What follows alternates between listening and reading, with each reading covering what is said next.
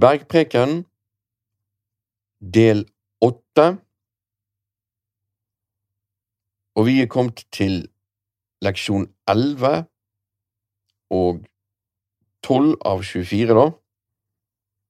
Og vi er i Matteus kapittel seks, vers fem til og med åtte, og så kommer vers ni til og med 15.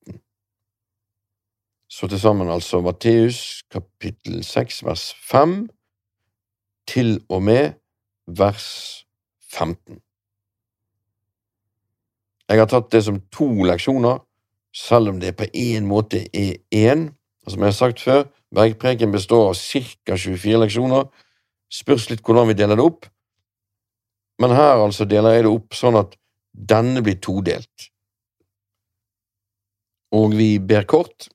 Kjære far, takker deg for ditt ord, takker for denne leksjonen, takker deg for bergprekenen. Takk, Jesus, at vi får bli kjent med deg. Ved din ånd, ber deg virke i hver enkelt av oss. I ditt navn, Jesus. Amen. Vi har altså kommet til Matteus kapittel 6, vers 5, og jeg leser da forfra der. Og når du ber, skal du ikke være som hyklerne, for de elsker å be når de står i synagogene og på gatehjørnene, slik at de kan vise seg for menneskene. Sannelig sier dere, de har alt fått sin lønn. Men du, når du ber, gå inn i ditt bønnerom, og når du har lukket døren din, skal du be til din far som er i det skjulte og din far som ser i det skjulte, skal belønne deg i det åpenlyse. Og når dere ber, så bruk ikke meningsløse gjentagelser, slik hedningene gjør, for de tror de blir bønnhørt på grunn av sine mange ord. Vær derfor ikke lik de, for deres far vet om alt dere trenger, før dere ber Han. Derfor skal dere be slik. Vår Far, du som er i himmelen. La navnet ditt helliges. La riket ditt komme. La viljen din skje på jorden, sånn som i himmelen. Gi oss i dag vårt daglige brød, og tilgi oss vår skyld, slik også vi tilgir våre skyldnere. Og led oss ikke inn i fristelse, men frels oss fra den onde, for riket er ditt og makten og æren i evighet. Amen. For dersom dere tilgir menneskene deres overtredelser, skal deres himmelske Far også tilgi dere. Men dersom dere ikke tilgir menneskene deres overtredelser, da skal heller ikke deres far tilgi dere deres overtredelser. Ok, og da gjør vi det vi pleier, vi går til toppen og ser på det. Jesus sier 'og når dere ber'. Og da er det når, altså, igjen, det er ikke hvis. Og da skal man ikke være som hyklerne, det er altså en befaling. For de elsker å be når de står i synagogene og på gatehjørnet, slik at de kan vise seg for menneskene. Sannelig sier dere, de har alt fått sin lønn. Ok, her er det noe man bør gjerne si. Altså, bønner for å vise seg for menneskene har ikke vi så mye sånn i den forstand at man står på gatehjørnet eller i synagogen. Jo, kanskje. Vi har jo, vi har jo menighetene. sant? Man kan holde mange fine, korrekte bønner. Man kan ja, Vi vet jo for eksempel Muslimene sant? de har jo bønnelenker og bønneremser. De sitter og, med sånne kuler som de har rundt fingeren, sant? for å vise at de nå ber. Og det er jo det Jesus sier om hyklerne fariseerne. De gjør sine bønnelenker og remser lange og store. Altså, En sånn kule som de drar på de her lenkene, er kanskje ett bønneemne, sant, og så neste. Og vi har jo derfra, som er det helt ytterste, da, til da fine, vakre, korrekte bønner i kristen sammenheng. Altså, alt dette er egentlig bare meningsløst. Og hvis du da gjør det for mennesker, for at de skal synes du er flink å be, eller hva det måtte være, så har du alt fått din lønn. Og igjen er det snakk om lønn. Det er klart at lønnen her er jo bønnesvaret. Lønnen i det forrige, det var jo at du gjorde en barmhjertighets gjerning, en barmhjertighets gave, og Gud ville gi deg tilbake en barmhjertighetsgave. Som Jesus sa tidligere før der igjen, salige er de barmhjertige, for de skal få eller finne barmhjertighet. Grunnen til at de barmhjertige er salige, er fordi de skal få barmhjertighet. Igjen, altså, snakkes det ikke om å være barmhjertig, punktum. Nei, det er hva du skal få, og du trenger, for du skal jo gi ut mer, hele tiden, du òg. Og her òg er det lønn. Når jeg ber, vil jeg ha bønnesvar. Jeg liker det Wigglesworth sa. Han sa det at det som gjør at Gud gjerne hopper over én million mennesker og svarer nettopp deg, altså tro, sa han, det er det som gjør at Gud kan hoppe over én million mennesker som ber, for å svare nettopp deg. Og det er interessant, fordi Nå var ikke det Bibelen, altså, det var Wigglesworth, men greien er det at troen er poenget her.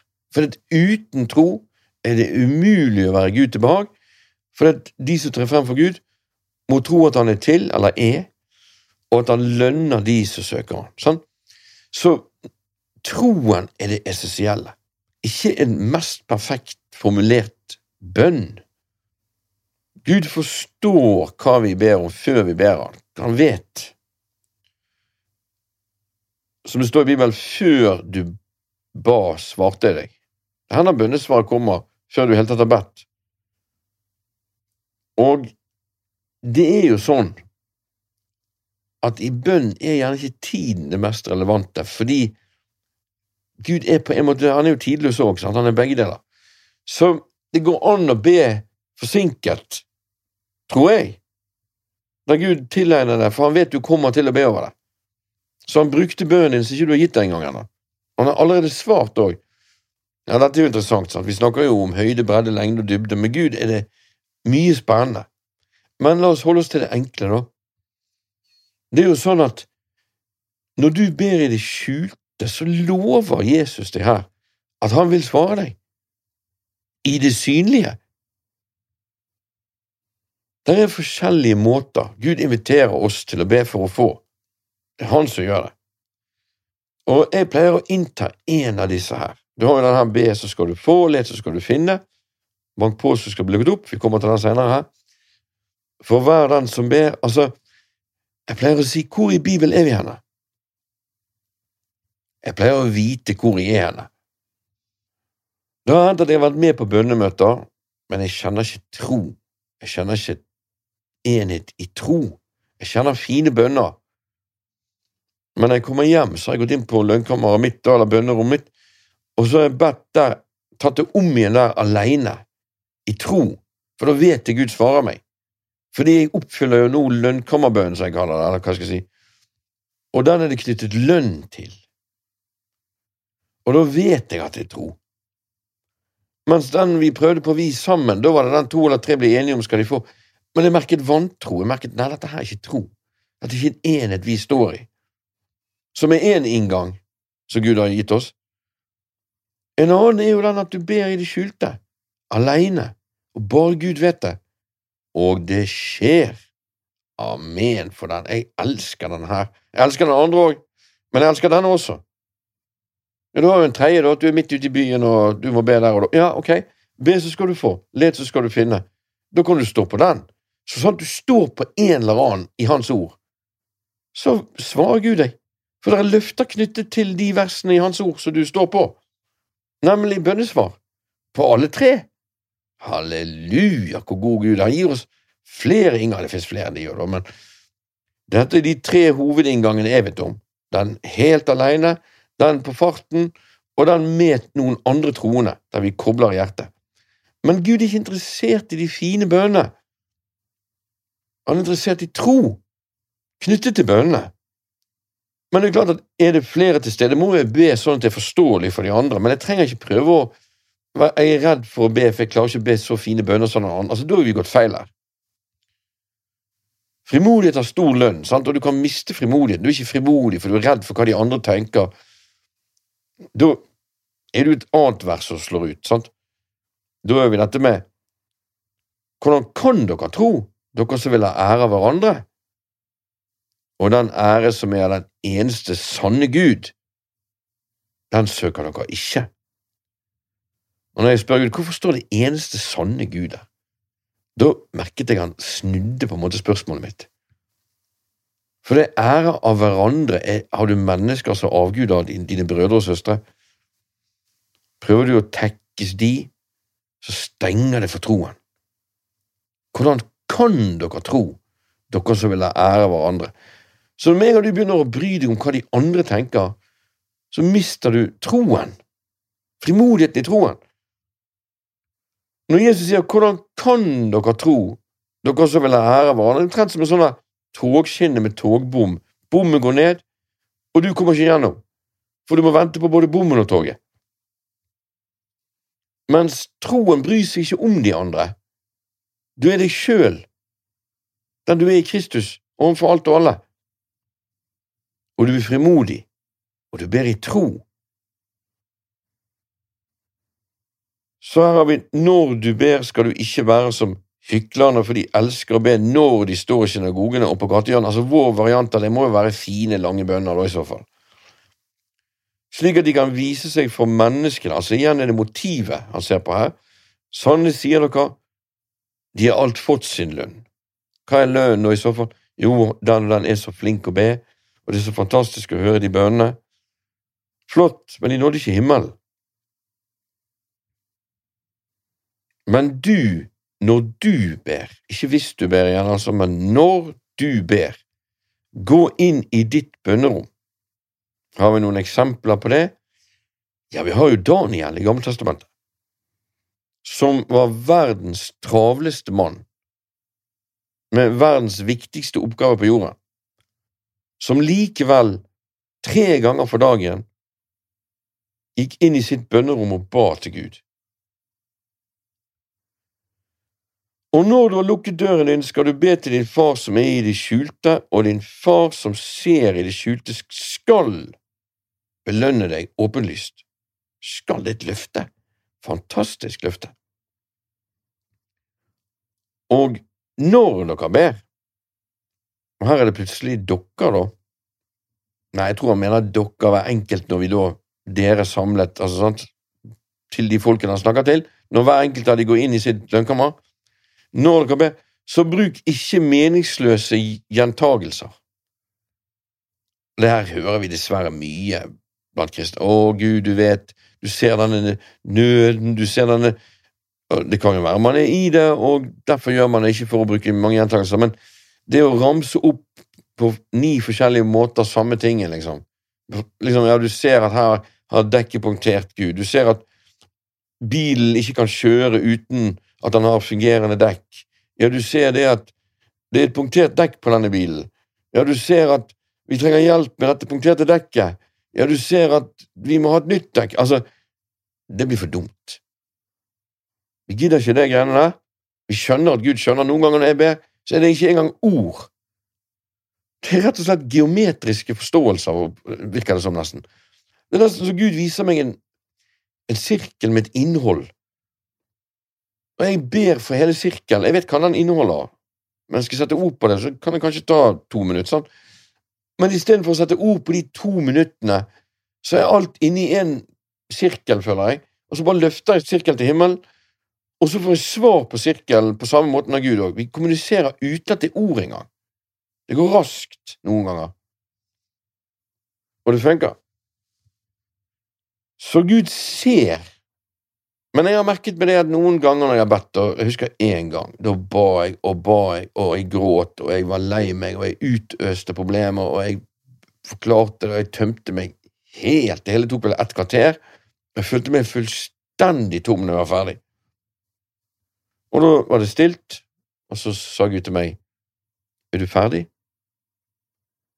Ja, tenkte jeg, ja, jo, kjente meg ferdig. Skal vi da begynne å be? Å be, sa jeg, jeg har bedt i kvarter nå. Nei, det du har gjort nå, er ikke å be, sa han. Det er ingen tro i noe av det du har gjort nå. Det du har gjort nå, er å fortelle om problemet og bekymringen, og utøse den fremfor meg. Og det er bra, men det er ikke bønn. Altså, det er bønn i den forstand til kommunikasjon med Gud, men det er ikke, er ikke trosbønn for å få svar. Akkurat det siste var min forklaring, det var ikke det han sa, men han sa bare skal vi da begynne å be, og så at det du har gjort nå, det er å utøse bekymring. Men det er ikke tro, sa han. Og jeg ble hæ? Og da kjente jeg inni meg at han har jo helt rett. Dette er jo minus. Utøse minusen. Tro er jo aldri minus. Tro er pluss. Og seinere vær ikke bekymret for noe. Så det å be inni bekymring, det er ikke så kjekt. Tøm ut bekymringen for seg. Etterpå kan du be i tro. Tro er det som gjør at Gud svarer deg, altså. Rett og slett. Så når dere ber, be, bruk ikke meningsløse gjentagelser. Slik hedningene gjør vet, jeg tar bekymringen, da kan det være gjentagelser. Men jeg tror ikke jeg blir bunnhørt av at jeg klarer å beskrive dette på ni forskjellige måter, eller hva jeg enn gjør.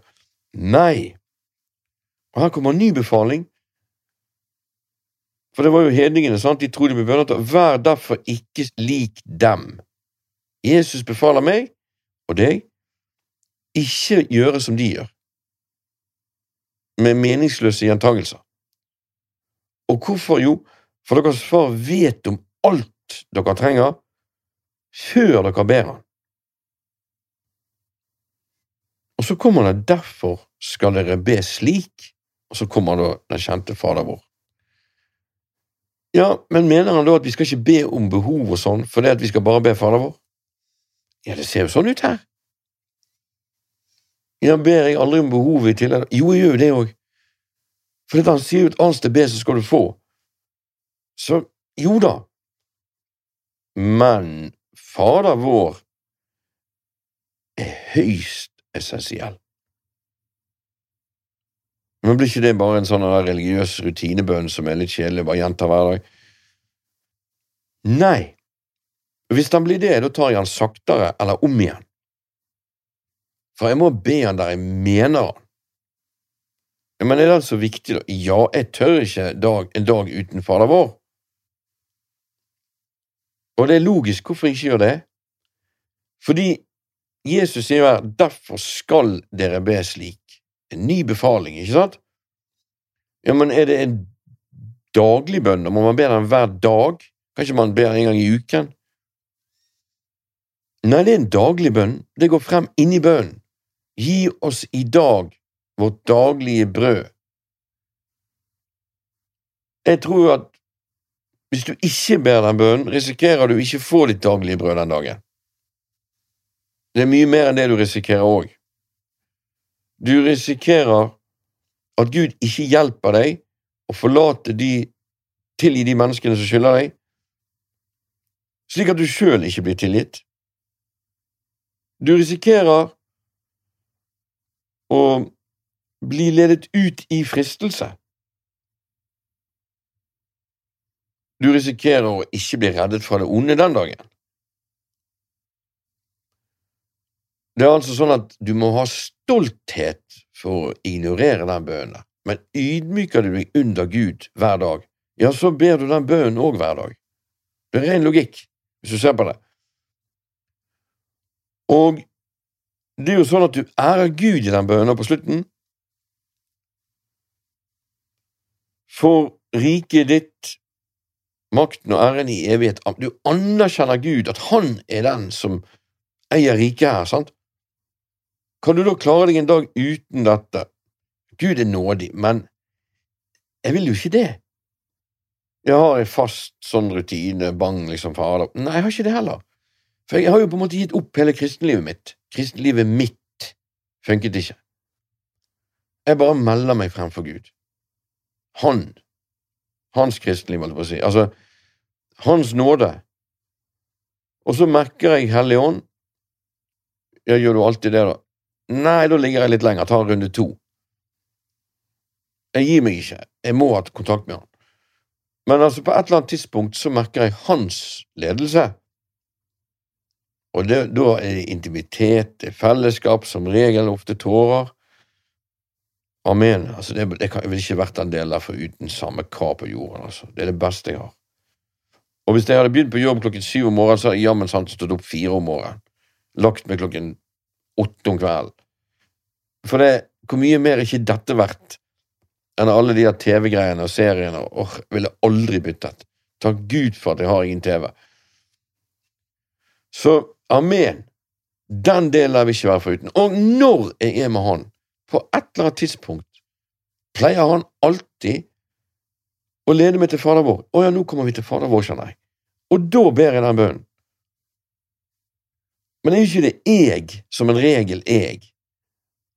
Nei, jeg prøver å følge ånden. Det kan gå to timer før vi kommer til Fader vår, men vi kommer til han. Og Fader vår er en kjempevelsignelse. Jeg pleier å be han der jeg mener han, og derfor kan det gå veldig sakte av og til. For det, jeg er liksom ikke helt roen i hjertet, kanskje.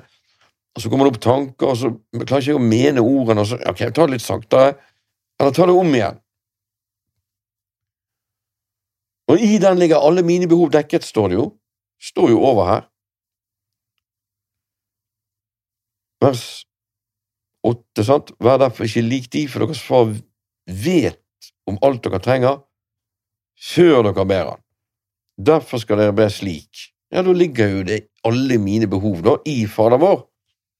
Men jeg liker jo å nevne de i tillegg, da, for jeg vet ikke, Gud liker det, tror jeg. Han liker at vi har kontakt, sant? at jeg er litt i det og litt frempå og litt frimodig, eller mye frimodig overfor han. Så er det sånn at det er flere vers her som vi må se på i denne fadervåren. Vi har jo blant annet dette med som en broder spurte meg, altså det står jo her, da uh, Skal vi se Å tilgi oss vår skyld slik også vi tilgir våre skyldnere. Altså, Da må vi tilgi våre skyldnere da, for å bli tilgitt sjøl. Da må vi oppfylle noe da, for å bli god nok likevel. Og svaret på det er nei, fordi at Gud er jo allerede far, ser vi i begynnelsen, sant? Vår far. Da er du allerede sønn, og da er du allerede god nok. Og det blir jo du ved troen på Jesus. Vår far, du som er i himmelen. Det er mer det at nå, som god nok, der Gud har tilgitt deg alt, så vil han du skal gjøre det samme overfor de som skylder deg noe, slik at ikke du stenger for det som Gud har gitt deg og gir deg hele tiden, nemlig Kristus Jesus-livet. Amen. Det neste vi kan se på, er dette med at led oss ikke inn i fristelse. Jeg, pleier å si led oss ikke ut i fristelse, for jeg er jo inne med Gud hele tiden, sant, og jeg må liksom gå ut derfra. Så jeg På norsk for meg blir det led oss ikke ut i fristelse. Men noen glupe hoder kommer jo opp med det at Gud leder jo aldri noen ut i fristelse. Så derfor har de oversatt den ene Bibelen med la oss ikke komme ut i fristelse. Men sant, du kan ikke være lurere enn Guds ord. Hva står det i originalteksten der? Hva står det i gresken? Det står led oss ikke ut i fristelse. Og jo, Gud leder folk ut i fristelse, men han gjorde det med Jesus sjøl. Han ble ledet av Ånden ut i ødemarken for å bli fristet av djevelen. Han er lik til oss i alle ting, står det blitt gjort lik til oss i alle ting, men uten synd og kjenner på det samme vi kjente på. Selvfølgelig kan Gud lede deg ut i fristelse, og gjør det òg hvis du lever stolt. Du er håndmodig. Hva står det? Stolthet går forut for fall. Gud frister deg ikke, for han frister ingen, og lar seg selv ikke friste, står det. Men den som fristes, dras og lokkes av sitt egen begjær, sant? sitt eget begjær. Og så når det er moden, så føder det. sant?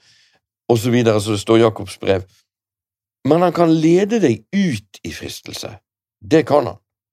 Dømmer du andre og er stolt, så må Gud la deg få lov til å faktisk kjenne på ditt eget nivå. Og da kan det være han leder deg ut og blir fristet, eller det kan være at salig den som holder ut i fristelse, for han har bestått sin prøve, skal Gud gi livets krone til den som frykter han eller elsker. Jeg husker ikke hvilken variant det står der, men det er i hvert fall snakk om sin prøve. Det kan jo være at Gud leder deg ut fordi du må bestå din prøve, men normalen er jo led oss ikke ut i fristelse. Ja, kan du bli fristet likevel? Ja, for det kan jo være fristeren kommer til deg, selv om ikke du er ledet ut i fristelse. Og det kan òg være det at Gud leder deg ut i fristelse, men han tillater fristelse for at du skal bestå din prøve.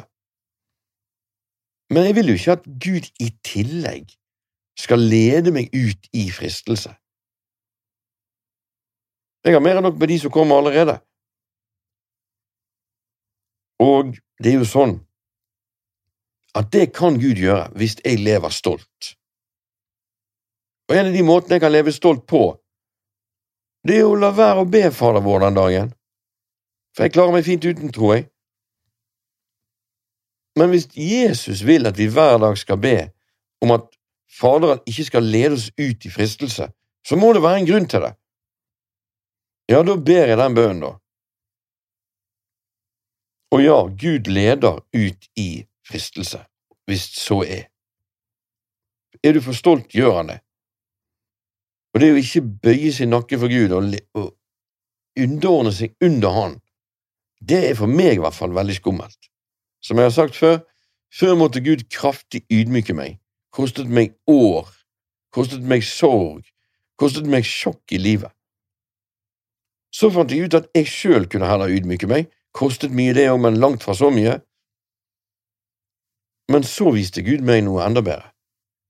Jeg kunne leve ydmykt, og da slipper jeg at jeg må ydmyke meg stadig vekk og jeg slipper at han ydmyker meg, som er det verste jeg vet om. Omtrent sånn. Og det å leve ydmykt, det er åh, det er fantastisk. Det koster jo, for det er en død i kjødet der hver dag, men heller det er noe annet, altså. Vi leser her, vers 9. Derfor skal dere be slik, vår Far du som er i himmelen. Og her er ikke det min far, altså, det er vår far. I, det, I, den lille der ligger det at vi er mange, og mine søsken i Kristus er inkludert. For vi ber denne bønnen, og jeg vet at det, mine brødre og søstre rundt meg i verden ber den, de òg. Vår Far, det er altså en felles bønn som jeg tar del i selv om jeg gjør det her alene. Du som er i himmelen. Og det er lokaliseringen. Han er, han er over det som er her nede. Han er i himmelen. La navnet ditt helliges. Hva er navnet hans, da? Vel, det navnet han har gitt, er Jesus. Men må jeg be om at det navnet holdes hellig? Hva er hellig? Alle andre ting som vi forstår Gud på, har vi ekvivalenter, som det heter, på jorden. Vi har noe vi kan for eksempel far. Ja, vi har en viss idé om far. Om faren vår var aldri så rar eller merkelig. Vi har en viss idé om Gud som far. Men hellig, der har vi på en måte ingen idé. Men vi kan ta han nærmest, altså tilsidesatt. Du har liksom malerier, sånn Tidemann og Gud, og her har vi det ene og det andre, men der inne, hva, det ligger der inne. Hva er det, da? Jo, det er selveste brudeferdige Hardanger, liksom og det er lukket inn på et eget rom. Da er det på en måte holdt hellig, tilsidesatt, spesielt, sant? Et maleri av Monet og et, Du har mange malerier, men du har ett av Monet. Hvor er det hen. Det er på det rommet ovenpå, der det er digitallås, og det er sånn og sånn og sånn. Du kan få komme og se det. Og da føler du deg privilegert. Du får komme inn der er det bare ett rom og ett maleri på veggen. Et Monet-maleri. Jeg liker Monet, men det har ikke noe med saken å gjøre. Men uansett, Altså, og ikke at jeg har et maleri av han heller, men jeg har en kopi, da. Men nok om det. Poenget er det at tilsidesatt, la ditt navn holdes hellig. Det er jo hellig, så jeg slipper å be Gud gjøre det hellig, men at det holdes hellig, hva er det motsatte, da? Jo, det er jo det at de bruker ordet og navnet Jesus på bannemåter, på, på, på intetsigende måte, som det står om i Salmenes bok at det kommer til å skje med han, og skje, har skjedd med han òg, og skjer rundt om. Og folk i filmer sant, de bruker navnet til Jesus titt og ofte på, på urespekt, altså mangel på respektmåte. Og vi ber, la det holdes hellig. Amen. Vi har jo òg la det helliges, men det blir ikke mer helliget, sant? Det, det er hellig. Men la det holdes hellig, det er mer korrekt. Neste, la riket ditt komme. Under andre verdenskrig var vi okkupert av tyskerne, og vi visste at amerikanerne og engelskmennene, de ville komme. Og vi lengtet etter de, da er det slutt på det og det og det og det og det og det onde der og der, og så kommer det og det og det istedenfor. Og vi kan spise sjokolade igjen, og vi kan Altså, det var liksom en helt annen frihet. Og vi ønsket at de, det engelske riket, holdt på å si, det amerikanske, skulle komme. Og det var jo veldig leit for de som da koblet med det nazistiske riket rett før de kom. De koblet feil. Eller hadde koblet mye. Quisling og de, sant? Poenget er at vi, vi lengter etter Guds rike. La det komme. La din vilje skje på jorden som i himmel. Ok, i himmel er det ingen sykdom. I himmel er det ingen angst, hat, synd. Og Gud vil at vi skal be om at standarden og det som er i himmelen, skal være standarden på jorden. At Gud kommer til like mye her som der. Gi oss i dag vårt daglige brød. Jesus sier 'Jeg er livets brød'. Amen. Og vi vet at Guds ord er brød. Nå er det riktignok sånn at logos, altså det skrevne ordet, det er som såkorn i Bibelen. Og når du høster inn avlingen og lager brød ut av det, det er mer rema, faktisk. Det er når Gud taler til deg i nuet, i dag. Og de tusener av kristne i Norge som ikke er vant til å høre Guds røst direkte sjøl, ja, da ligger det noe godt og venter på dem. Noe veldig godt. Relasjonen vil jo selvfølgelig bli fantastisk når du hører hans stemme. Det er som i Gammeltestamentet, tabernaklet. Skuebrødene, det går på intimitet, fellesskap. Og det å spise brød sammen, da er det intimitet. Gi oss dag mot daglig brød, tror jeg går på faktisk fysisk brød, jeg, og mat, men jeg tror vel så mye det går på intimiteten med Jesus. Jeg tør ikke la være å be den bønnen, jeg vil ha intimitet med Jesus, også denne dagen. Tilgi oss vår skyld, slik som også vi tilgir våre skyldnere, da er det mer det at du er alt tilgitt, så ikke begynn å stenge for at det flyter hele tiden til deg, at alt ditt er tilgitt, ved at du sjøl plutselig begynner å henge deg opp i hva andre har gjort mot deg, og er bitter på de. Her kan ikke du lure Gud, sånn, Å ja, men det kommer opp igjen og igjen. Ja, men Jesus sier jo det av hjertet tilgir sin bror. Og det er ikke av hjertet før det slutter å komme opp igjen og igjen og igjen. Da må du gå dypere. Ja, men da må jeg be og fortelle Gud om alt Ja, det må du kanskje gjøre. Kanskje du må fortelle det igjen og igjen til Gud, i detalj. På et eller annet tidspunkt klarer du å ta imot at Gud forstår deg. Han som langt borte fra forstår av din tanke, står det i Salme 139. Men med en gang du forstår at Gud forstår deg, og ikke bare at han Kanskje han til og med er enig med deg, kanskje han ikke er enig, men han forstår deg veldig godt at du følte det sånn, Det er ofte nok for meg. Noen ganger må jeg til og med ta det i tro, men andre ganger hører jeg han, at han er til og med enig med meg. Gjerne, sånn. Og da, da, så, da blir meg og Gud de rikeste her. Skal vi da tilgi den stakkaren som gjorde dette? Ja, men da må jeg senke ned i hvor mye han kjenner Gud. Hvis det er en pastor, er det vanskelig, sånn. Fordi at jeg har gått med på at han kjenner Gud mye mer enn meg, og her skjer det noe feil som åpenbart ikke er mer enn hva jeg kjenner Gud, og da vil ikke jeg bytte om. Jeg vil at han skal være på den hvite hesten, og jeg skal sitte her i krypende og tigge nedenfor, liksom. Men da må jeg faktisk pent gå med på at nei, når det gjelder dette området her, så er det meg og Gud som er på hvit hest, og han stakkar er der nede. Skal vi da være overbærende med han? Har vi plass til dette? Har vi råd til dette? Skal vi tilgi han? Ja, meg og Gud, vi gjør det, vi, vi har råd til dette, det går fint. Vi kan leve med at han ikke er mer moden enn det der ennå, og så ber vi om at han skal bli det, og så unner vi han det beste. Så dermed Ja, men det kan jo være det tar uker å komme igjennom. Ja, det kan det. Og for meg har det tatt måneder første gangene. Bruke masse tid og energi på at en eller annen såret meg. Men det er veldig bra, det, for før eller siden er du gjennom, og da har du gått en løype inn i hjertet ditt, så du slipper å gå opp igjen like langt neste gang. Og til slutt kommer du der at du blir ikke såret mer, samme hva som enn skjer. Så kanskje du er immun mot å bli såret. Halleluja.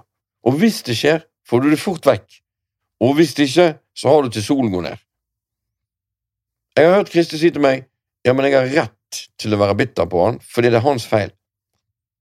Da har du bommet fullstendig. Bitterhet, da er du blind, står det. Og da er ikke sannheten i deg. Altså, det må du få vekk, samme hva. Er du bitter, er det ditt ansvar. For det blir ikke vi. Vi blir aldri bitre. Da er det i så fall skjød. Før sol går ned, er sol allerede nede, ja, da har du til neste dag når sol går ned. Men du kan aldri bli bitter når du er født på ny. Det er verre, det, enn det den, har, den andre har gjort mot deg uansett. Så glem bitterhet, det er ikke for oss i det hele tatt. Vi skal ta imot Guds rike som små barn, og det der blir for stort for oss, altfor vondt alt sammen som han gjorde mot meg. Jeg gir det til deg, pappa, jeg tilgir han. Jeg kan ikke dømme han heller og si 'derfor gjorde han det', fordi han er sånn eller sånn. Jeg vet ikke, jeg skjønner det ikke, det er for stort for meg, det er for vondt for meg. Jeg gir det til deg, pappa, jeg klarer ikke dette. Og ja, jeg har mine feil, jeg har bjelke i mitt øye, hva vet jeg? Hva skjønner jeg? Og det er nok med litt, litt forståelse for Gud, eller litt trøst, så gir jeg det fra meg, og så tilgir jeg. Og noen ganger trenger jeg ikke det heller, for jeg vet at Gud er sånn. Det holder for meg. Til å begynne med var ikke det sånn. Da måtte jeg oppsøke noen, sjelesorg, og jeg måtte få lov å baktale ferdig den personen. Nei, det, altså, man kan si mye om den sjelesorgen. Det kan være til hjelp, det kan være ledet av ånden, men det kan jammen være mye hummer og kanari òg. Jeg opplever at de jeg delte mest til, var de som sviktet meg mest etterpå der igjen. Verre enn det jeg fortalte de om, til og med. Men, men. Og så fortalte jeg det til noen andre igjen, som liksom kjente Gud enda mer. Og da ble de den neste, etter noen år, da, kanskje fem år senere, som virkelig jeg følte dolket meg i ryggen. Så mest sjelesorg har jeg tatt med Jesus alene. Han vet hva han gjør på. Jeg er på kne, jeg utøser hjertet mitt til han, jeg gråter kanskje, og han forstår, han møter meg, og vi tilgir. Og ferdig med den.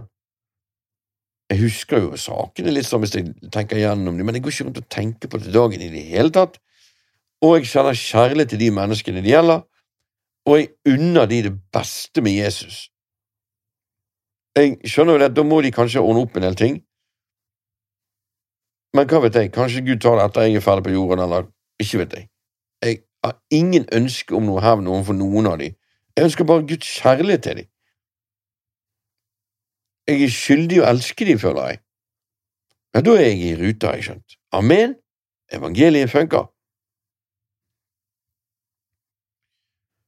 Og led oss ikke ut i fristelse, det har vi vært innpå allerede, altså, men frels oss fra den onde. Jeg tror ikke på det onde, jeg tror ikke det er rett oversatt heller. Den onde. Det er han som virker i alt det onde. Så når fienden angrep meg, jeg, jeg var frimodig og ba, og Gud hadde bredet meg. Men en gang så slo jeg kneet mitt og da fikk jeg fordømmelse, for det var min egen klumsethet. Sant? Jeg hadde reist meg for fort, gått for fort og slo kneet inn i bordet. Og da sa jeg til Gud at jeg klarer ikke å be, for dette var min feil. Nei da, sa han, dette var fienden som angrep deg. Nei, det var jo ikke det, følte jeg, for det var min egen feil. Ja, men det at du reiser deg for fort, og det at du er klumsete, det er jo ikke noe som skjer når du vandrer med meg. Det er skjød. Fienden er koblet til det. Har du en for utålmodig karakter, så har fienden sådd inn i deg før du ble frelst, kanskje, utålmodig karakter. Og klumsete er ikke, ikke Gud. Det er fienden, visste Gud meg. Eh, da ba jeg Gud tilgi meg for min klumsethet og for min dårlige tid, som var helt unødvendig, og da fikk jeg fremodighet Gud sa til meg, legg hånden der. Jeg gjorde det, og så sa han gå, beveg deg. Men Det var ikke logikk for meg å bevege meg, for det var så vondt i kneet, burde ikke det hvile, da, tenkte jeg. Og da har man et valg, skal man gå på det man tror Ånden sier? Og Gud tok det vekk. Og alltid ellers så gjør det vondt i flere dager etterpå, men nei da, Gud tok det vekk. Amen. Det er spennende å bli kjent med Gud. Men det er klart, tror du at han sier du skal stå på skyskraperkant og hoppe utfor Altså, det må jo være logisk, sant? Det må være noe som er innenfor Guds ord. Og det å legge hånden på kneet, ja, det tror jeg er det. Og det å bevege deg. Stå opp og gå, sa Jesus til noen, sånn. Så du må på en måte vurdere det i ånden. Er det ånden jeg hører nå, eller er det bare meg sjøl som roter? Har du en ventende livsstil, så vet du når det er Ånden, og når det ikke er bare deg sjøl. Slipp å lure på det. Så led oss ikke ut i fristelse, men frels oss fra den onde. Ja, jeg trenger at Gud stadig vekk hjelper meg vekk fra det den onde holder på med. Og kan Gud gjøre det? Ja, for riket er ditt, makten er din, sant, og æren i evighet. Amen. Så vil jeg lese Fader vår en gang til, på en litt annen måte. Vers 10, nei, 9. Derfor skal dere be slik. Vår Far du som er i himmelen. Det er altså en henvendelse til Han. Og da kommer det her, la navnet ditt holdes hellig. For det, det er nå engang sånn at hvis du har med en person å gjøre, så har du også med navnet til den personen å gjøre. Og i og med at faren vår er i himmelen, så må nødvendigvis navnet hans holdes hellig. Og hvis det holdes hellig, hva skjer da? Jo, det som skjer mer og mer da, det er det som står i vers 10, at riket hans kommer. For når navnet hans helligholdes, jo mer det gjør det, jo mer Guds folk går med Gud, videre, jo fortere kommer riket hans. Og hva skjer når riket hans kommer? Kommer det plutselig sånn? Nei, det er inni dere, står det, sier Jesus, sant? Og da skjer nemlig viljen hans på jorden. Jo mer Hans rike får komme, jo mer skjer viljen hans på jorden, som i himmelen. Altså, jeg tror at det, på et eller annet tidspunkt kommer det fullt og helt, selvfølgelig. Men det er nå jammen sant virksomt her allerede. I oss og rundt oss. Så når da navnet hans holdes hellig, altså, da kommer riket hans, og da skjer viljen hans på jorden, slik som han skjer i himmelen. Og hvordan skjer dette? Jo, ved at Gud gir oss vårt daglige brød. Gjennom det at det skjer. Og konsekvensen av det, det er det at vi kjenner på nåde og tilgir de vi har noe imot som har såret oss, slik han tilgir oss, og slik at han kan fortsette å tilgi oss. Og gjennom at vi gjør det, så slipper Gud å lede oss ut i fristelse. For hvis vi ikke gjør det, da er vi stolte, sant? og Gud kan lede oss ut i fristelse. Så det Gud gjør da, han unnlater å lede oss ut i fristelse, fordi vi tilgir jo, fordi vi har jo fått vårt daglige brød, fordi at hans vilje skjer jo på jorden, og vi er en del av det, fordi hans rike kommer jo, fordi at navnet hans holdes hellig, fordi vi har henvendt oss til vår Far i himmelen med dette.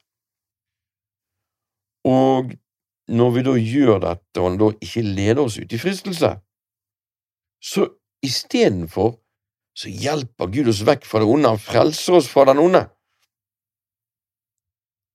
Og alt dette kan og vil Gud gjøre, for det riket er nemlig hans sitt. Ja, makten òg, ja, æren i evighet. Amen.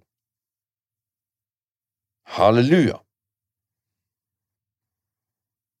Sånn går det òg an å lese denne bønnen her at den, det er en sammenheng i den. Nå er det sånn at den som vil komme etter meg, må fornekte seg sjøl hver dag, ta opp sitt kors og følge meg. For meg er det jo klart at da må jeg melde meg fremfor Gud hver dag. Og jeg må melde meg som at jeg er god nok, jeg er i han, han er i meg, det er oss, ikke bare meg. Og det er jo litt død å gjøre det. Jeg kjenner på at det koster meg å gå på kne, bli der. sånn. Og når jeg da etter en stund kommer til Fader vår, for meg er det det punktet der jeg føler jeg løfter opp korset mitt den dagen. Denne dagen går ikke min vei. Denne dagen vil koste. Denne dagen kan det være jeg må lide. Og det er greit. Jeg er jo kalt til, til å tåle urett, så det går fint. Denne dagen kan til og med ende med døden for Kristus skyld, for et kors jo, peker jo på død. Det er jo det som er korsets mål. Og siden jeg går og, bærer på det, så kan det være det ender med det, for alt jeg vet. Og i den modusen følger jeg Kristus. Og for meg er Fader vår det er det endelige signalet. Korset mitt er oppå ryggen min. Når jeg da reiser meg etter det, så er det Gud jeg forsøker å følge. Enda hvis jeg har rutineting jeg må gjøre, eller oppgaver jeg må gjøre. Likevel, jeg er i Kristusmodus der jeg skal være. Og så står det jo videre for dersom dere tilgir menneskene deres overtredelser, skal deres himmelske Far også tilgi dere. Dette utdyper altså Jesus etterpå. Så viktig er det, liksom.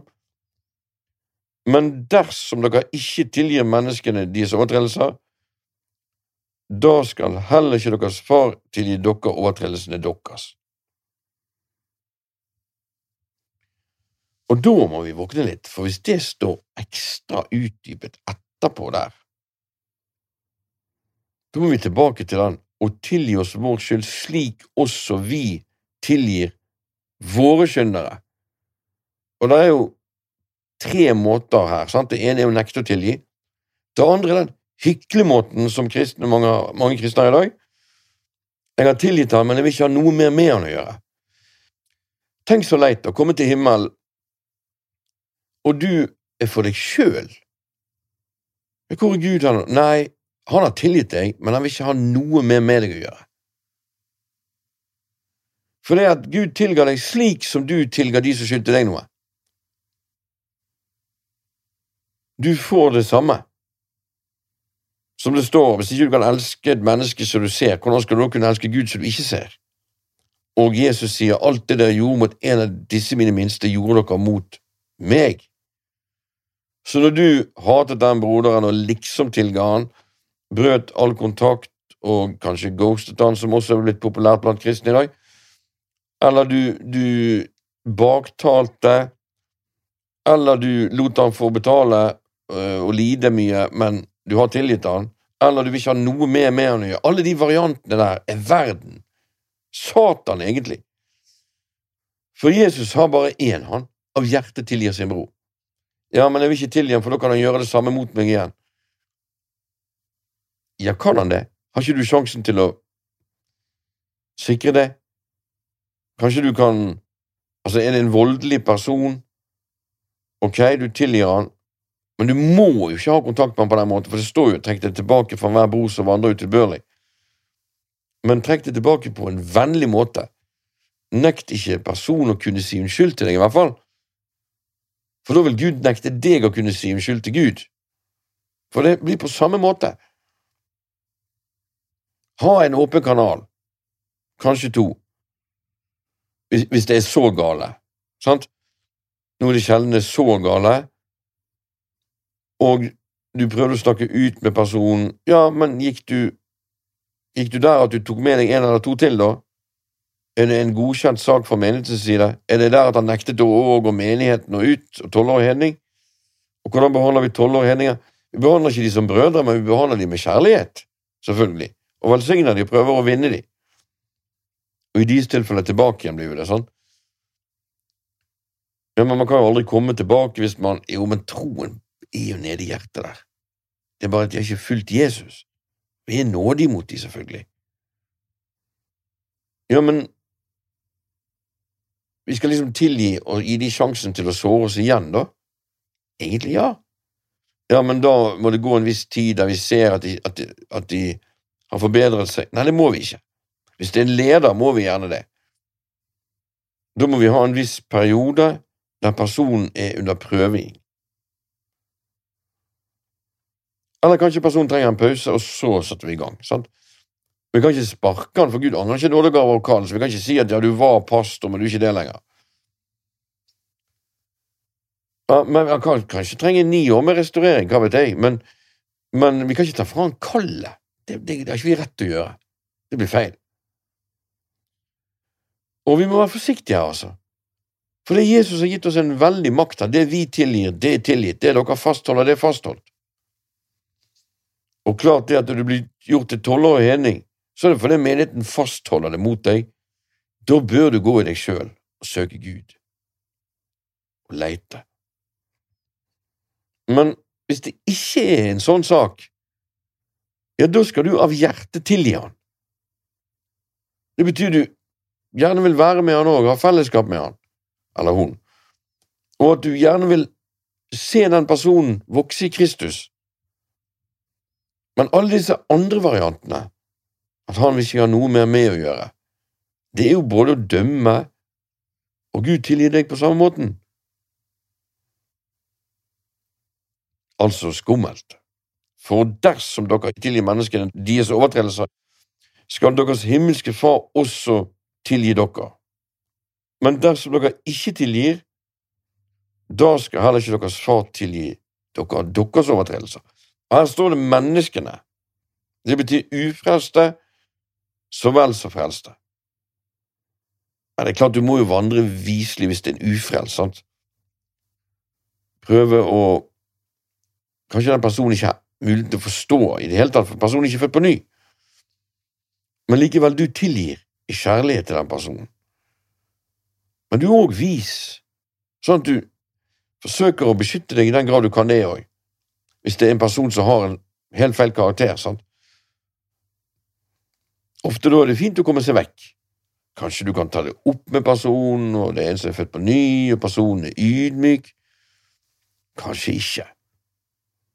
Men du må uansett tillate at den personen er der han er, ikke kommet lenger, har den dårlige karakteren.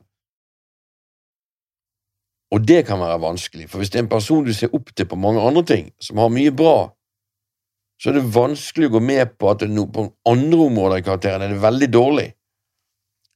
Men da må du slippe denne gode siden, så du klamrer deg til at du vil absolutt skal være der. Til at denne personen har ikke bare de gode sidene. Man kan si mye mer om dette, men jeg har bare touchet det. Jeg vil lese gjennom en gang til.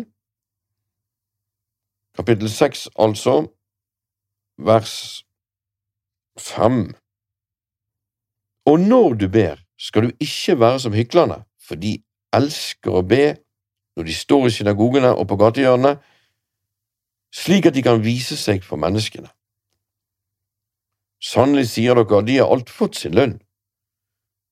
Men du, når du ber, gå inn i ditt bønnerom, og når du har lukket døren din, skal du be til din far som er i det skjulte, og din far som ser i det skjulte, skal belønne deg åpenlyst.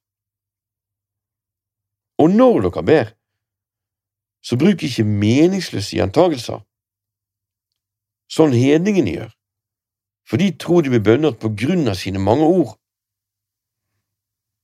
Vær derfor ikke lik de, for deres far vet om alt dere trenger, før dere ber han. Derfor skal dere be slik, Vår Far, du som er i himmelen. La navnet ditt helligholdes. La riket ditt komme. La viljen din skje på jorden, sånn som i himmelen. Gi oss i dag vårt daglige brød, og tilgi oss vår skyld, sånn som vi også tilgir våre skyldnere. Og led oss ikke ut i fristelse, men frels oss fra den onde. For riket er ditt, makten er din, og æren er din i evighet. Amen. For dersom dere tilgir menneskene deres overtredelser, skal deres himmelske Far også tilgi dere. Men dersom dere ikke tilgir menneskene disse overtredelser, da skal heller ikke deres far tilgi dere deres overtredelser. Ja, men dette er jo kanskje ikke så lett. Nei, det er kanskje ikke det. Du trenger kanskje nåde. Kanskje du føler deg fattig i deg sjøl, men da er du salig for himmels rike ditt. Kanskje du sørger og gråter, men da er du salig, for du skal trøstes. Og så videre. For nå begynner vi å se at vi trenger de der ni saligprisningene skal dette her kunne gå opp, og uten det så blir dette vanskelig. Og altså, her kan det skje mye, tårer og tøft, og det er ikke bare bare, men du bygger huset på fjell, og det er amen at du gjør det. Dette vil Gud hjelpe deg med til å leve sånn slik at du er klargjort for himmelens rike når den tid kommer. Takker deg for alt dette, Jesus, og ber deg velsigne hver enkelt, og lede oss til å bli kjent med deg gjennom dette i Jesu navn. Amen.